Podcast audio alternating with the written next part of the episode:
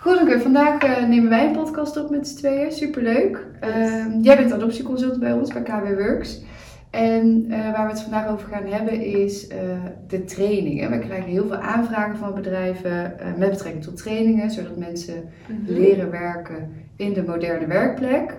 Um, en nou ja, we gaan het vandaag hebben over jouw visie van de trainingen en hoe je dat aanpakt. Want wat we zien is dat veel, train of veel bedrijven bij ons aankloppen en eigenlijk één training willen, toch? Ja, klopt. Ja. ja. Wat, uh, wat vind jij daarvan? Um, nou, ik denk dat het allereerst heel goed is dat een bedrijf überhaupt initiatief neemt om en aandacht besteedt aan de adoptie uh, van tools. Dus om de medewerkers in ieder geval wat handvaten te geven om op weg te gaan. Uh, echter merk ik dat een training zelf eigenlijk vaak een soort introductie is. Um, vaak hoor ik van mensen ook dat ze een beetje overspoeld worden met nieuwe informatie. Uh, je moet je eigenlijk zo zien, de meeste mensen die, die zijn al misschien al jaren gewend om op een bepaalde manier te werken. En er wordt gevraagd om eigenlijk dat op een andere manier te gaan doen. Um, en dan kun je je misschien ook voorstellen dat één training dan niet uh, nou ja, volstaat om die hele verandering in, in één sessie te maken. Ja. Um, dus ik denk dat een training een hele goede start is, maar niet, niet gelijk staat eigenlijk aan een echt een goede adoptie van, uh, van een overstap naar een, eigenlijk een nieuwe werkomgeving. Ja, ja. misschien is het nog goed om uh, ook toe te lichten wat wij verstaan onder überhaupt adoptie. Ja, um, nou ja, wat we daaronder verstaan is eigenlijk, hè, dus je bent als organisatie en kies je ervoor om in dit geval over te stappen naar uh, Microsoft 365. Dus dat houdt in dat je gebruik gaat maken van Teams, van SharePoint, van OneDrive. Dus dat je documenten in de cloud komen te staan. Dat je gaat samenwerken binnen Teams en eventueel gebruik maakt van andere apps. Uh, nou, dat is super tof. En voor de WizKids onder ons is dat misschien automatisch dat je dat gelijk lekker oppakt. Maar er zijn ook heel veel mensen die, uh, die de techniek echt ter ondersteuning van hun werkzaamheden gebruiken. Dus wat wij dan onder adoptie verstaan, is dat zij uh, begeleid worden om met de middelen gewoon hun huidige werkzaamheden te kunnen blijven doen. Ja. En dus de tools te, ja, echt te adopteren eigenlijk. Ja. Ja. ja. dus echt eigenlijk het leren werken in een nieuwe werkomgeving. Ja. En wij verstaan onder de nieuwe werkomgeving echt de cloud. Ja, uh, precies. Digitaal ja. samenwerken. Oké, ja. tof. Um, dus trainingen. Veel bedrijven komen bij ons aankloppen. Uh, dus voor die training, voor die ene training. Wat we net zeiden, um, dat is eigenlijk niet genoeg. Hè? Het is meer een introductie van de nieuwe werksituatie, zo zou je het ook kunnen zien, denk ik. Um, wat is jouw visie erop? Hoe zou dan zo'n adoptietraject eigenlijk er beter uit kunnen zien? Nou, ik denk dat een eerste en goede stap is dat er uh, een soort ja, borging van de ondersteuning komt. Dus stel je begint met een training, als dat je kick-off moment is, dat je zorgt dat er na de training ook ondersteuning blijft op de werkvloer. Uh, en hoe wij dat vaak doen is eigenlijk in de vorm van ambassadeurs. Ja. Dus dat je, of key users worden ze ook wel eens genoemd, dat je echt zorgt dat er een klein groepje in de organisatie opgeleid wordt eigenlijk en die net wat meer kennis heeft en die dan de, ja, op de werkvloer echt kan ondersteunen met de vragen die daar ja. staan. Ja. En wat is um, voor een organisatie belangrijk bij het uitkiezen van die key users of uh, champions? Nou, enerzijds is het wel heel belangrijk dat ze affiniteit hebben met IT. Dus dat ze daar wel, ja, dat ze dat wel leuk vinden. Anders dan is het voor hen natuurlijk niet zo leuk om dat op te pakken. Vaak werkt het ook het beste dus op vrijwillige basis. Um, en daarnaast is het eigenlijk heel belangrijk dat ambassadeurs het leuk vinden om hun collega's te helpen. Want naast dat je kennis nodig hebt van de, van de techniek, ben je eigenlijk een ja, vraagbaak of misschien wel een coach. Dus het is belangrijk dat je eigenlijk die twee onderdelen, ja, dat dat je ligt. Ja. Zodat je er zelf ook plezier uit haalt. Ja, ja, dus inderdaad iemand die eigenlijk van nature al affiniteit heeft met IT of nou, de nieuwe tools die aangeboden worden of die geïmplementeerd gaan worden Plus iemand die enthousiast en het leuk vindt om vragen te beantwoorden en collega's te helpen. Ja, exact. Ja. Oké. Ehm, nog andere dingen? Want ik kan me voorstellen dat als je, ehm, ik noem maar iets, hè, uh, van de communicatieafdeling niet per se mensen uh, van de IT daarin kunt gaan begeleiden. Zeg maar. Zitten daar nog handigheden in? Ja, zeker. Dat is eigenlijk al wat je mooi benoemt. Hè. De- het is eigenlijk heel fijn als iedere afdeling één key users hebt. Dus inderdaad dat dat verspreid is over de organisatie. Eh, nou ligt het natuurlijk heel erg aan de grootte van de organisatie en dergelijke.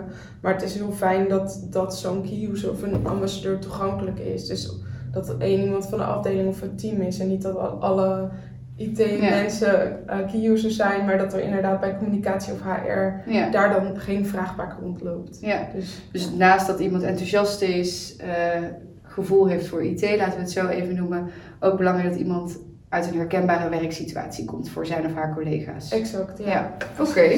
Nou, duidelijk. Ja. Goed, we hebben het net even gehad over adoptie. Hè. Veel bedrijven komen bij ons, eh, kloppen bij ons aan, willen eigenlijk gewoon één snelle training. Zo noem ik het dan nu maar even. Ja. Wat zou jouw advies zijn? Ehm, ja, nou ja, wat ik eigenlijk al zei, een training is een heel mooi, mooie start, een heel mooi onderdeel eigenlijk van een adoptietraject. Maar zo zie ik het ook echt. Dus als je echt wilt zorgen dat, eh, dat de tools geadopteerd worden, dat ze op de juiste manier gebruikt worden, dan zou ik een training echt als een onderdeel zien. Ehm, dan zou ik zorgen dat je ambassadeurs aanstelt die je helpen eigenlijk om, ja, om de, een soort olievlek te creëren in je organisatie. Ja. Dus door, door draagvlak te creëren enerzijds, omdat zij al voorlopen, maar Ja. ook anderzijds eh, ja, echt dat stukje ondersteuning kunnen bieden. Waardoor Ja. je ook veel ja, weerstand en frustratie ook tijdig kan tackelen op de werkvloer. Ja, Ehm, en anderzijds, dat hebben we nog niet besproken, maar wat, wat, wat ik zelf heel belangrijk vind, is dat je echt een adoptieteam opstelt met de juiste ehm, ja, mensen uit de organisatie. Dus dan kan je vaak denken aan IT, communicatie, ja, eh, HR vaak. eh, en een, een adoptie-eigenaar die zowel tijdens het traject, maar ook nadat het is afgesloten, eigenaarschap houdt over, eh, over eigenlijk de moderne werkplek. Omdat nou ja, het, is technisch, hè, dus het verandert continu. ontwikkeld. Ja. En dat die er echt op blijft zitten, zodat het tijd, tijdig weer kan worden bijgestuurd. En tijdig kan worden aangegeven van hé, hey, er komt iets nieuws aan, dat willen we gebruiken. eh, en dat je eigenlijk constant. Ja, dus diegene eh, is als het ware ehm, ook de waarborger van de nieuwe dingen die er aankomen, de nieuwe tools. Is dat interessant voor onze organisatie? Zo ja, zo niet. Hoe gaan we dat dan verder inrichten, et cetera? Ja, precies. Oké, dus samenvattend een training hartstikke leuk, hartstikke Ja. mooi. Ook zeker blijven doen als ik het jou zo hoor. Ja. Maar zie het echt als een onderdeel van een volledige adoptie. En dat is veel groter. Ja, zeker. Nou, dat is zo groot, dat is misschien ook interessant om een andere keer eh, over eh, in gesprek te gaan en over uit te wijden. Ehm, laten we nu toch even toespitsen op de training, want jij geeft veel trainingen, dat doe je ook regelmatig. Ja. Hoe zorg jij dat zo'n training nou, goed is en aansluit bij een organisatie? Want elke organisatie is anders. Ja, klopt. Ehm, nou, wat ik altijd doe in ieder geval is, ik begin altijd met een kennismaking. Hè? Dus ehm, tijdens zo'n kennismaking nou ja, maak je kennis uiteraard. Eh, maar daarnaast kan ik in dat, tijdens dat gesprek ook heel goed eventjes uitvragen van wat is nou de specifieke hulpvraag. Eh, en dat probeer ik dan eh, eigenlijk altijd hoog over ja, te doortasten. En dan te kijken of ik dat kan, ja, of ik daar een scenario, hè, dus bijvoorbeeld hybride samenwerken Ja. of efficiënt vergaderen, dat zijn maar twee voorbeelden. Ja. Of ik dat daarop kan leggen. Ja. Maar vaak, vaak is het dan een stukje maatwerk. Vervolgens maak ik dan eventjes een kort agendaoverzichtje, dus met de hoofdpunten. En dan, dan ja, stem ik dat nog even af. En als dat dan goed is, dan maak ik op basis daarvan mijn training. Ehm, en wat ik zelf heel belangrijk vind bij mijn trainingen, is dat ik niet aan het zenden ben, maar dat ik echt probeer korte stukjes uit te leggen en dan een opdrachtje te geven, zodat de deelnemers echt zelf of met elkaar eh, aan de slag kunnen met Ja. eh, en kunnen oefenen echt. Ja, ja, dus wat je doet, je, je de vraag achter de vraag eigenlijk ga je achterhalen. Dus Ja. eh, wat eh, willen jullie nu precies leren eh, en weten en hoe moet dat eruit zien? En daarbij probeer je ook te kijken, past dat onder een van de scenario's die we sowieso hanteren als KB Works? Dus Precies. bijvoorbeeld hybride samenwerken, et cetera.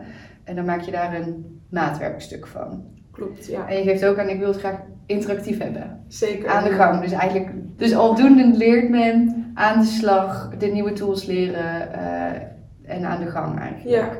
Hoe, heb je een voorbeeld van dat soort opdrachtjes? Want ik ja, ben wel benieuwd hoe dat eruit ziet. Ehm, ja, Het is natuurlijk een spoiler alert, maar eh, nee, ik heb heel vaak bij uh, bijvoorbeeld samenwerken of, of um, als het echt gaat over documenten, dus voor het eerst dat mensen online gaan samenwerken in een document. Ja. Nou, dat is voor sommigen best wel uh, heel nieuw. Ja. Maar ik heb ook vaak mensen in mijn... Want samen in een document werken, dat je tegelijk in een document zit, Precies. toch? Ja. ja, en omdat je toch wel uh, niveauverschillen ziet in een groepje. Dus de een die heeft dat nog nooit gedaan, die weet niet eens Ja. wat het kan. En de ander die doet dat al. Um, heb, vind ik het wel leuk om een, een beetje een opdrachtje te maken wat voor beide ja, partijen leuk is. Dus bijvoorbeeld een rebus. Dus dan verstop Oh. ik ergens een documentje in de omgeving. Dan vraag ik of ze die zoeken en om samen bijvoorbeeld zo'n rebus op te lossen. Maar dan heb je eigenlijk al meer dingen die je aantikt. Want eh, Ja. je verstopt als het ware een document in de omgeving. Dat is al een nieuwe omgeving vaak dus waar mensen in Ja. werken. Dus dat moeten ze zoeken. En dan gaan ze nog samenwerken tegelijk in dat document om het op te lossen. Exact, ja. oh, wat leuk. Wat Ja. goed. Leuk. Ja, Oké, dus dat, dat is een manier van trainen. Eh, interactief, eh, niet alleen maar zenden, maar lekker gaan doen. Dus jij splitst het als het ware op, als ik het zo hoor, in een stukje uitleggen. eh, en dan ook lekker opdrachten, ga maar doen, ga maar aan de slag. ja.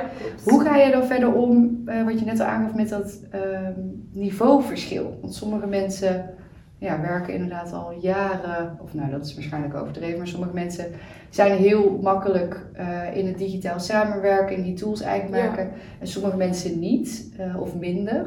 Hoe zorg je dat dat... Hoe ga je daarmee Uh, Nou, dat, soms is dat wel een uitdaging, zeker op het moment dat, eh, dat ik online trainingen geef. Ehm, ik, wat ik altijd doe, is ik met, met het uitleggen dan. Ik, ik beantwoord altijd heel veel vragen. Dus dat zeg ik ook tijdens mijn training. Als je een vraag hebt, stel ze gewoon. Eh, dus daarmee probeer ik dat te ondervangen. En vaak koppel ik dus in, als ik ze in breakout eh, rooms in, stuur om eigenlijk opdrachtjes te doen, dan koppel ik altijd een beetje de wat mensen die het wat moeilijker vinden met mensen die eigenlijk denken, nou dit heb ik al eh, wel vaker gezien Oh ja. of dit gaat me makkelijk af. En dan probeer ik op die manier dat een beetje ehm, recht te trekken, zodat de mensen die het wat beter kunnen eigenlijk Ja. al als een soort ambassadeur stiekem Ja, acteren eh, en zij een beetje hun collega's kunnen ondersteunen.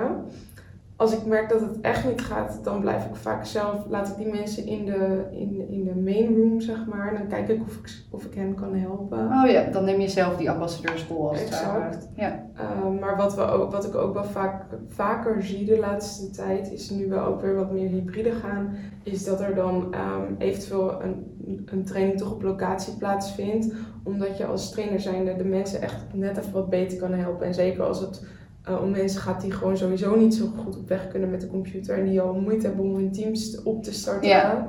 Uh, dan is het wel echt fijner om dat op locatie Ja. gewoon met hen te kunnen Ja. doornemen. Ja, want die mensen hebben dan al drempel op drempel. Dus op het moment dat jij dan online een training geeft, dan moeten ze eerst nog online in die meeting komen. Dus dat is dan lastig. Ja, oké, snap ik.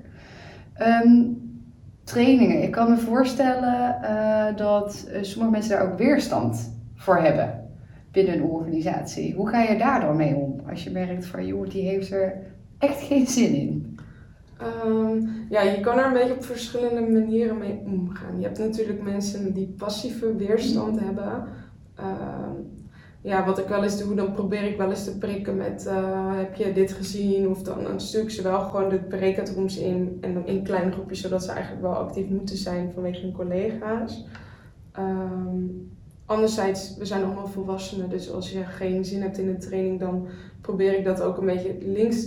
Als je echt geen um, sjoegen geeft, zeg maar, Ja. als, je echt, als de mensen er echt voor kiest van ik heb er geen zin in en ik blijf in die houding, Ja. dan laat staat dat uit. uh, op ja. een gegeven moment gewoon zo, want ik vind dat zonde dat dat ten koste gaat van de andere deelnemers.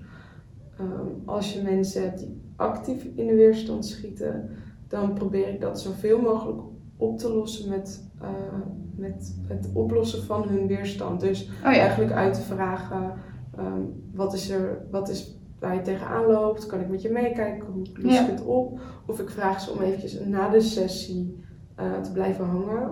Want vaak de mensen die in de actieve weerstand zitten, die zijn gewoon heel erg gefrustreerd omdat het niet lukt. Maar die proberen het dus wel. Ja, dus er Uh, zit ergens een wil. Ja, Ja, dus ik probeer dat altijd te ondervinden. Ja, en als ze echt uh, in die negatieve houding blijven, dan op een gegeven moment dan eh, geef ik toch aan van hé, hey, weet je, ik moet nu toch verder met de training, want ik heb gewoon een programma. En dan nodig ik ze dus inderdaad uit om achteraf Ja. even te blijven zitten. En als Ja. ze dat niet willen, ja, dan houdt dat voor mij op dat moment ook Ja. op.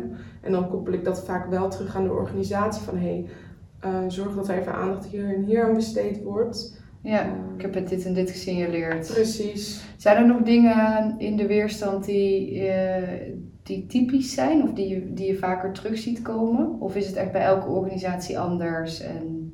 Ja, het is wel heel anders. Ik denk dat het ook wel heel erg te maken heeft met of de eh, verandering op, op tijdig is aangekondigd. Je hebt natuurlijk organisaties die ehm, tech- de technische uitrol heel snel gaat en de adoptie er wat later achteraan komt.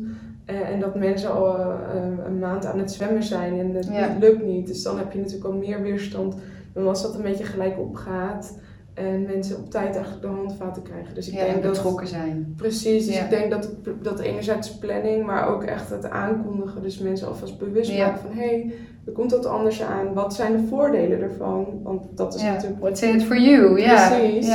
Eh, en wat betekent het? En wanneer kan ik die verandering verwachten? Dan merk je wel dat mensen al vaak ja, er even aan hebben kunnen wennen, zeg maar. Ja, ja, precies. En dan komen we eigenlijk weer ook waar we het net over hadden, dat een eh, training echt een onderdeel is van een groter adoptietraject, Ja, project. Precies. Ehm, en eh, daar zit dus ook dat hele stukje communicatie, et cetera, in. zeker. Ja, Ja, ja. ja. duidelijk. Nou goed, ik, ik denk dat we heel veel mooie dingen over eh, training hebben besproken. Zijn er nog dingen die we missen? Of waarvan je zegt van joh, dat wil ik echt nog even meegeven? Ja, nou ja, ik denk dat we inderdaad heel veel besproken hebben. Ik denk dat er nog heel veel te bespreken Ja, valt eh, in een andere sessie. Ehm, ik denk dat dat vooral het belangrijkste is voor het, voor het management, eh, voor de IT. Is blij, het is en blijft een werkomgeving. Ehm, en ik denk dat het belangrijk is dat we altijd blijven realiseren dat de tool is een middel en geen doel. Dus ik denk dat het goed is om het op die manier ook te blijven benaderen. Ehm, en om, om te blijven inzien dat erkenning te geven dat het voor sommige mensen gewoon wat lastiger is. En dat er Ja. gewoon echt de ruimte is om behalve eh, de kennis over te dragen, ook dat er wel ruimte mag zijn om even te spuien en om even aan te horen wat er vervelend is. En dat je daar ook op een goede manier mee omgaat. Ja, Dus ja. dat je daar gewoon een goede balans in vindt. En nou ja, dus het echt als een middel blijft benaderen en dat ook blijft erkennen voor de medewerker. Ja, mooi, mooi dat je dat zo zegt. Dus eh, techniek als middel en de mens eigenlijk als doel. Exact, ja, of de business, ja. Ja. Maar in dit geval bij training is wel echt de mens ook. Ja. ja. Nou, dankjewel. Yes.